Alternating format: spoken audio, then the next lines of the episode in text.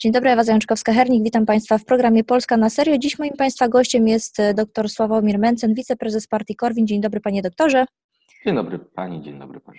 E, panie doktorze, zanim przejdziemy do tematów e, stricte związanych e, z gospodarką, ponieważ jesteśmy na portalu rolnym, chciałabym, żeby Pan skomentował z punktu widzenia przedsiębiorcy działanie Komisji Europejskiej, ponieważ wczoraj Komisja Europejska przyjęła taką strategię od pola do stołu, która wprowadza rewolucję na rynku rolnym. I ta rewolucja polega na tym, że Komisja Europejska w ramach Zielonego Ładu narzuca rolnikom ograniczenie produkcji produkcji o 10% w gospodarstwie, a 25% z każdego gospodarstwa ma być przeznaczone na produkcję ekologiczną. I teraz właśnie jak Pan to ocenia z punktu e, widzenia biznesowego? Z punktu widzenia biznesowego taka sytuacja jest oczywiście e, niedopuszczalna. E, każdy przedsiębiorca, rolnik również jest przedsiębiorcą, e, stara się maksymalizować swój dochód, maksymalizować przychód, efektywnie wykorzystywać środki produkcji i produkować to, na co jest zbyt, to, co może sprzedać i na czym może zarobić. Jeżeli jakiś urzędnik, nie ma znaczenia czy polski, czy brukselski, mówi mu, co ma produkować, to to już nie jest gospodarka wolnorynkowa, to jest jakaś gospodarka rozdzielczo-nakazowa, centralnie planowana i kojarzy nam się jak najgorzej. To do 1989 roku urzędnicy i politycy mówili przedsiębiorcom, często państwowym, co mają produkować i za ile i komu sprzedawać.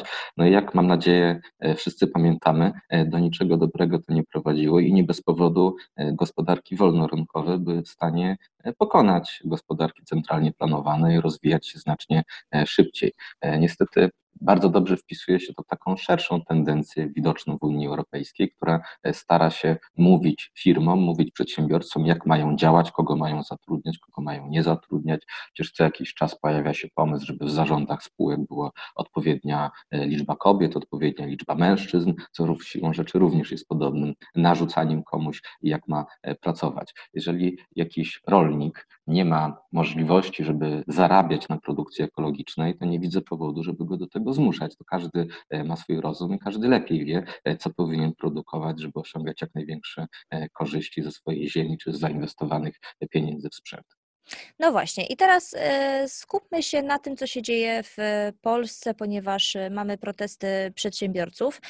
Tylko teraz tak, panie doktorze, miało być spowolnienie gospodarcze, a okazuje się, że nadciąga bardzo poważny i to światowy e, kryzys e, gospodarczy. Dla niektórych ten kryzys może być związany również z recesją gospodarczą. Jak pan ocenia obecny stan polskiej gospodarki i czy my, nasza gospodarka jest przygotowana pana zdaniem na nadciągający kryzys? Wie Pani, to jest, e, to jest bardzo ciekawe pytanie, bo znajdujemy się w bardzo specyficznym momencie. Niech Pani sobie wyobrazi człowieka, który został porażony właśnie taserem. Taka broń policyjna, która taki mały pocisk mm -hmm. uderza w człowieka, następnie tam jakieś duże napięcie się pojawia i ten człowiek pada na ziemię cały w drgawkach i nie jest w stanie się ruszać. Tak w tym momencie wygląda polska e, gospodarka. I co się z nią stanie za miesiąc czy za dwa, to mało kto jeszcze wie, bo w tym momencie leżymy na ziemi i drgamy i nie jesteśmy w stanie e, się ruszyć. Panuje taka w Polsce dziwna terminologia, że my mówimy, że gospodarka została zamrożona i że zaraz ona zostanie odmrożona i będzie dalej działać. Co ma nam nasuwać taką myśl, że takie zamrożenie to sumie nic złego, ponieważ tylko na chwilę przestaliśmy się ruszać i zaraz znowu będzie będzie tak, jak było, no niestety nie będzie.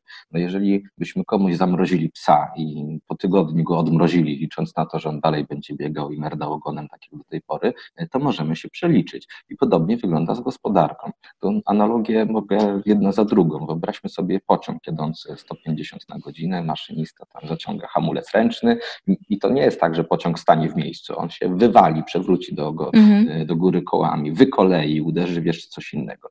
Tak działa gospodarka. Jest to niezwykle skomplikowany, e, dynamiczny, nieliniowy system złożonych relacji, powiązań między sobą. Jeżeli coś przerwiemy, to tego dalej nie będzie. To naprawdę nie jest tak, że to można zatrzymać i wystartować i wszystko będzie tak jak do tej pory. I polscy urzędnicy, polscy politycy muszą to wreszcie rozumieć. To nie będzie tak, że przedsiębiorcy przestali pracować przez dwa miesiące i za dwa miesiące oni znowu zaczną pracować. To z najwielu różnych przyczyn. Przede wszystkim mogą stracić w tym czasie wszystkie oszczędności, mogą stracić środki przeznaczone na jakieś inwestycje. Mogą, mogą stracić rynki zbytu. Dokładnie. Mogą stracić swoich kontrahentów, mogą stracić swoich dostawców, swoich pracowników, mogą stracić taką ukrytą wiedzę leżącą w przedsiębiorstwie, ponieważ jeżeli odejdzie jakiś pracownik, który ma jakąś wiedzę, bardzo często jest tą wiedzę ciężko odtworzyć. On sobie w międzyczasie może znaleźć zatrudnienie w innej firmie, może emigrować, może znaleźć swój pomysł na życie i przedsiębiorca będzie miał problem.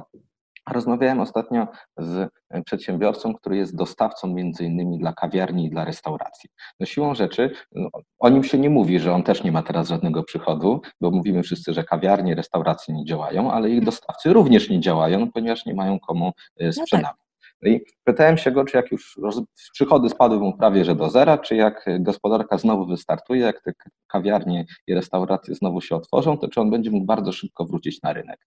I on mówi mi, że nie, ponieważ jego klienci komunikują mu, że oni prawdopodobnie wielu z nich już nie otworzy tych restauracji, bo nie mają na to pieniędzy, bo w międzyczasie zbankrutowali.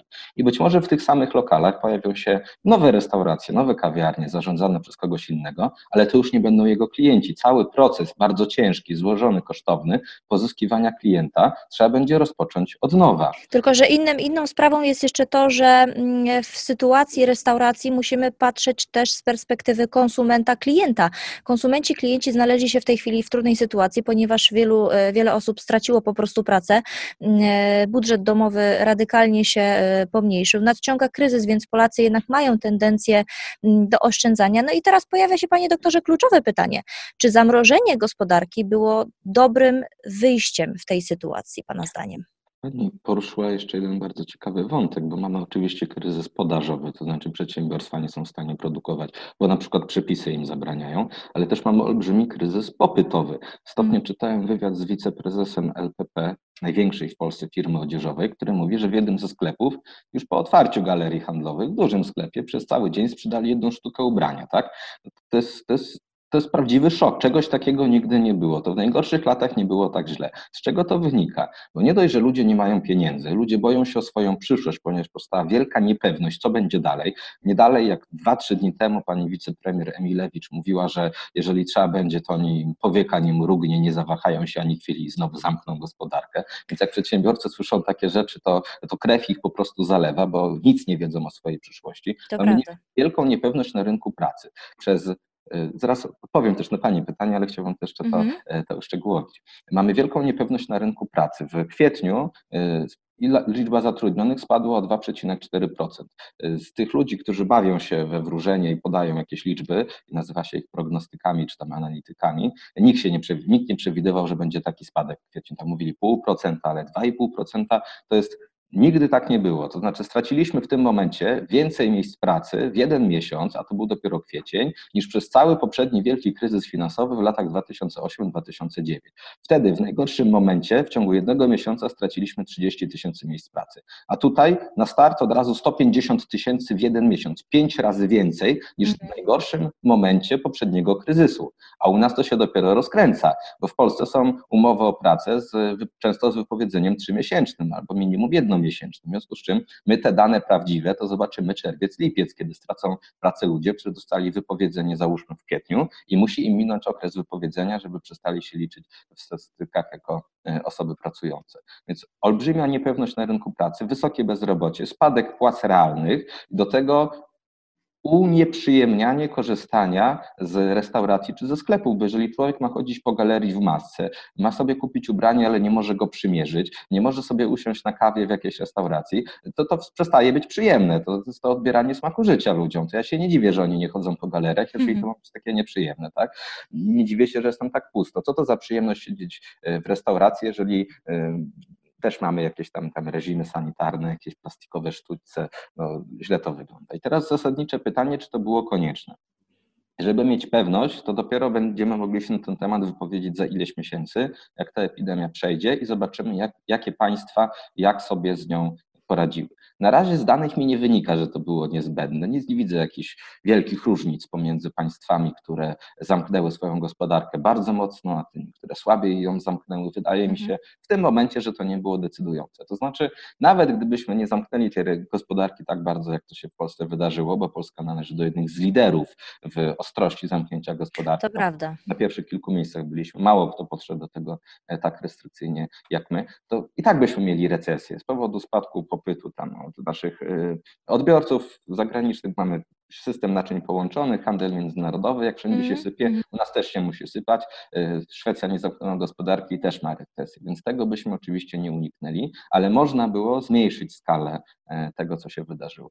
I tak naprawdę, żeby ocenić, jak, jakie państwo poradziło sobie z z walką z epidemią, no to musimy poczekać, jak ona wszędzie przejdzie. W tym momencie jest na to za wcześnie, bo zwróćmy uwagę na to, co się stało w Polsce. W wielu państwach doszło do szybkiego wzrostu liczby zachorowań, po czym ona zaczęła spadać i teraz mhm. spada. No w tym momencie liczba chorych w Polsce nowych jest na poziomie niemieckim, trochę mniej niż we Włoszech, y, poziom hiszpański mniej więcej. Tak? Więc te państwa, w których było bardzo źle, tam jest teraz mniej więcej trochę jak w Polsce. Przy czym oni ten szczyt zachorowań już mają za sobą, a kiedy my mamy szczyt swoich zachorowań, to jeszcze nikt nie wie. Pan minister. A ten szczyt, ten szczyt y, systematycznie był przesuwany, tylko panie doktorze, w kontekście tego, co pan mówi, powstaje kolejne pytanie. I to jest w sumie jeden z postulatów y, tych przedsiębiorców, którzy zbierają się w Warszawie i protestują pod kancelarią chociażby e, prezesa Rady Ministrów. Czy firmy dotknięte kwarantanną, pana zdaniem, powinny y, uzyskać odszkodowanie od państwa? Znaczy tak, gdyby wprowadzić na przykład stan klęski żywiołowej, to tym firmom należałoby się odszkodowanie nie bez powodu y, to nie zostało wprowadzone. I teraz no, sprawa jest taka, gdyby się okazało, że musimy wszystkim wypłacić odszkodowania, którzy ucierpieli w wyniku zamknięcia gospodarki, to te kwoty byłyby całkowicie niewyobrażalne. To znaczy to musiałoby pokryć państwo, ale państwo swoich pieniędzy nie ma. W związku z czym musielibyśmy się wszyscy na to zrzucić w swoich przyszłych podatkach, czyli sami sobie y, byśmy zapłacili te odszkodowania tak naprawdę. Różnica tylko byłaby taka, że teraz koszty skupiły się na pewnej grupie przedsiębiorców, a tak byłyby rozłożone mniej więcej po całej e, gospodarce e, trochę bardziej e, równomiernie. I wydaje mi się, że to nie byłby taki zły pomysł. Sądzę, że jest to uczciwe, ponieważ nie widzę powodu, żeby państwo działało w taki sposób, że koszty swoich decyzji zrzuca na jakichś przedsiębiorców e, i samo nie chce odpowiadać za to, co robi. To tak nie powinno wyglądać. E, rzeczywiście, jeżeli państwo wymyśliło, że ma tak słabą system ochrony zdrowia, że nie może dopuścić do żadnego większego wzrostu e, zarażeń, bo wszystko się posypie, w związku z czym prewencyjnie zamknęli gospodarkę po to, żeby szpitale się zbyt szybko nie przepełniły, no to zrzucili te koszty i odpowiedzialność jakby na przedsiębiorców, którzy teraz często tracą dorobek całego życia. To tak, takie postępowanie nie wydaje mi się ze strony państwa uczciwe. E, panie doktorze, jeszcze jest e, kolejne pytanie, no bo mm, e, w czasie, gdy inaczej. To, co się stało w pandemii koronawirusa, y, pokazuje na przykład podejście państwa do polityki pieniężnej. Mamy obniżanie stóp procentowych, mm, mamy dodruk pieniądza, mamy obniżanie wartości krajowej waluty, mamy przez to wzrost inflacji, e, zamrożenie gospodarki powoduje wzrost bezrobocia i, i pogorszenie się warunków finansowych społeczeństwa, o czym już pan doktor e, powiedział. I tutaj jakby z pomocą przychodzą tanie, nisko oprocentowane kredyty. Jaki będzie Pana zdaniem skutek czegoś takiego? To jest teraz wielka dyskusja w gronie ekonomistów, czy my będziemy teraz mieli inflację czy deflację. Jest wielu y, ekonomistów, którzy uważają, że e, bronimy się teraz przed wielką deflacją. E, I sądzę, że w krótkim terminie rzeczywiście e, powinna, przynajmniej w wielu państwach na świecie na pewno się pojawi deflacja. W Polsce Wydaje mi się, że nie, no bo jak na inflację wpływa wiele czynników, nie tylko mhm. E, podaż pieniądza, ale też chociażby szybkość obrotu tego pieniądza, która ostatnio strasznie spadła poprzez właśnie zamrożenie gospodarki, więc są takie dwie przeciwstawne siły. I sądzę że rzeczywiście w krótkim terminie e, inflacja wcale nie musi wystrzelić. Ona może być na obecnym poziomie, może lekko wzrosnąć, może lekko spaleć, spaść. Nie da się teraz przewidzieć w krótkim terminie, co stanie się z inflacją. Nie jesteśmy w stanie e, prognozować dokładnie zachowań konsumentów. Z drugiej strony, w długim terminie to wszystko bardzo mocno pachnie inflacją. To znaczy gwałtowne zwiększenie właśnie podaży pieniądza, zwiększenie długu, planowane zwiększenie opodatkowania po to, żeby spłacić ten dług. To wszystko wygląda źle. Zresztą wielu w miarę poważnych, e, dobrze wykształconych, pracujących na poważnych uniwersytetach ekonomistów mówi, że e, czeka nas olbrzymi kryzys zadłużenia, znacznie większy niż cokolwiek, co pamiętamy. Zresztą to z liczb wychodzi. Mhm. Jeżeli spojrzymy na wzrost zadłużenia w krajach Unii Europejskiej po poprzednim kryzysie lat 2008-2009, to on przeciętnie e, dług nam wzrósł w krajach Unii Europejskiej o dwadzieścia kilka punktów procentowych, ale były państwa, gdzie to było 60 albo 70 punktów procentowych.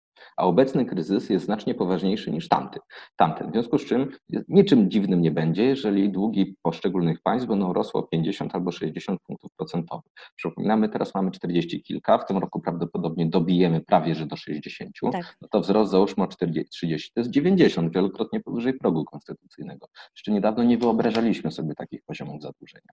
Teraz jak spłacić taki wielki dług? I to pomysły są różne, albo wysokie progresywne podatki, albo wysoka inflacja, e, albo monetyzacja tego długu, czyli wykupywanie go przez e, bank centralny, jak to się ostatnio dzieje w Japonii. I tak, takie pomysły będą prowadziły do e, mogą prowadzić do gwałtownego wzrostu inflacji. Zresztą niektórzy ekonomiści uważają, że to jest najlepszy pomysł na spłatę wysokiego zadłużenia, to znaczy zepsuć pieniądz, sprawić, żeby ten dług wielki był tylko nominalnie, żeby realnie jego wartość spadła z powodu bardzo wysokiej, sięgającej nawet 20, 30, 40% inflacji. Więc tak, poważnie ekonomiści na poważnie rozważają, żeby doprowadzić do bardzo wysokiej inflacji, żeby pozbyć się problemu zadłużenia. No a jak Konfederacja mm, rozwiązałaby problem zadłużenia? Przede wszystkim chcielibyśmy do niego nie doprowadzić. Ale no ale już znajdujemy nie. się w takiej sytuacji, w jakiej się znajdujemy i musimy sobie jakoś tak, radzić. I wiemy, że ten dług wzrośnie, więc przede wszystkim starałbym się ograniczać wydatki, ponieważ w mojej ocenie mamy w naszym budżecie mnóstwo zupełnie zbędnych wydatków, e, które należy ciąć. To znaczy pieniędzy trzeba, szukałbym w głębokich kieszeniach ministerstw, agencji. Może, e, może trzeba by było, może byłoby, panie doktorze, zacząć od tego, żeby nie drukować na darmo kart wyborczych. No z tym już nic nie zrobimy. To no niestety. władze, one już będą dawno wydrukowane, zmielone i nikt o nich już nie będzie e, pamiętał. Ale to jest kolejny przykład, jak ludzie, nie, politycy nie szanują naszych e, ciężko zarobionych e, pieniędzy. Więc przede wszystkim ograniczenie wydatków, ograniczenie zbędnych programów socjalnych, nie wymyślanie nowych programów socjalnych, bo teraz wygląda to w ten sposób, że jak tylko zbliżają się jakieś wybory, to trzeba wymyślić nowy program socjalny, żeby ludziom zaraz przed wyborami pojawiło się coś na koncie. Ale, ostatnio, ale ostatnio już padł rekord, panie doktorze, bo te programy socjalne idą w tą stronę, że bezrobotni będą mieli więcej pieniędzy na koncie niż osoby na minimalnym etacie. Dokładnie. Zostało zaproponowane raz podwyższenie zasiłku dla bezrobotnych, a dwa wprowadzenie dodatkowego zasiłku dla ludzi, którzy teraz tracą pracę. Jak się te dwa zasiłki doda, okazuje się, że jak ktoś pracuje na minimalnym wynagrodzeniu, to opłaca mu się stracić tą pracę, bo dostanie podwyżkę w wyniku otrzymywanych zasiłków. To jest, to jest po prostu sytuacja absurdalna. Do czegoś takiego po prostu nie można doprowadzać, bo to całkowicie e, psuje rynek pracy, to e, działa negatywnie na, e, na morale w ogóle ludzi pracujących, jak sobie pomyślą, że oni tu ciężko pracują, wstają rano, idą do pracy, męczą się, e, a ich sąsiad nie pracuje i ma jeszcze lepiej. No to tak po prostu absolutnie nie powinno wyglądać. No ale wracając właśnie do tych kolejnych programów socjalnych, Wybory zostały przesunięte z maja prawdopodobnie na koniec czerwca albo początek lipca. No i słyszę, że te przełożenie wyborów, oprócz tych kosztów administracyjnych związanych ze zorganizowaniem kolejnych wyborów, będzie nas kosztować jeszcze kolejny program socjalny, ponieważ trzeba było wymyślić znowu coś, e, dzięki czemu ludzie będą pamiętali, na kogo głosować. Pojawił się jakiś pomysł bonu turystycznego, e, żeby ludzie mogli e, mieć pieniądze na, na wakacje. Mówi pan, mówi pan o pomyśle e, minister Emilewicz na taki bon e, turystyczny, który w 90% miałoby finansować państwo, a w 10% pracodawca, bo jak mówi pani minister, ten rok nie jest rokiem na to, żeby zmuszać pracodawców do wzmożonych wydatków, dlatego w tym roku taki bon będzie właśnie w 90% finansowany z budżetu państwa, 10% to będzie wkład własny pracodawcy. No to tak, ale właśnie ona zastrzegła, że w tym roku, bo w tym roku wiadomo, że budżet ma mnóstwo pieniędzy, więc e, wybory są, no to trzeba e, dosypać, no ale jak rozumiem w przyszłym roku e, ocena stanu pracodawców może się zmienić w rządzie i może się okazać, że to będzie pół na pół, albo za dwa lata na przykład 90% mają finansować pracodawcy. Jeżeli mamy w Polsce no, wiele milionów ludzi zatrudnionych, naprawdę wiele milionów i każdy teraz dostanie tysiąc od pracodawców, to będzie dla biznesu koszt nie, kilkanaście miliardów e, mhm. złotych, tak po prostu wyjęte z ich kieszeni, bo pani Emilewicz e, uważa, że, że ludziom należą się te pieniądze, żeby mogli pojechać na wakacje, tak jakby do tej pory nie jeździli. Ja myślę, że ludzie w, tej, w takiej sytuacji chcą po prostu normalnie wrócić do pracy i zarabiać e, normalne pieniądze, żeby utrzymać płynność finansową swoich domowych budżetów. No, przede wszystkim teraz to się ludzie też zastanawiają, to raz, ale dwa już w kontekście wakacyjnym, turystycznym, zastanawiają się, czy w ogóle i na jakich zasadach gdziekolwiek będą mogli jechać, bo znowu nikt nic nie wie. Mamy koniec maja i do tej pory prawie każdy już miał zaplanowany swój wyjazd wakacyjny, a teraz nie ma co planować, bo nie wiadomo, czy gdziekolwiek będzie można wyjechać, a jeżeli będzie można, to gdzie i na jakich zasadach, czy po powrocie nie trzeba będzie być na jakiejś kwarantannie, więc nikt nic nie wie, wszyscy, czy przedsiębiorcy, czy pracodawcy, czy, e, czy, czy ludzie chcący jechać na wakacje, nikt nic nie wie, żyjemy w wielkiej niepewności. No i w bardzo nieprzyjaznym środowisku, e, chociażby inwestycyjnym. Bardzo panu doktorowi dziękuję za ten komentarz. Gościem Studio Polska na serio był e, dr Sławomir Mencen, wiceprezes partii Korwin. Dziękuję bardzo. Również dziękuję.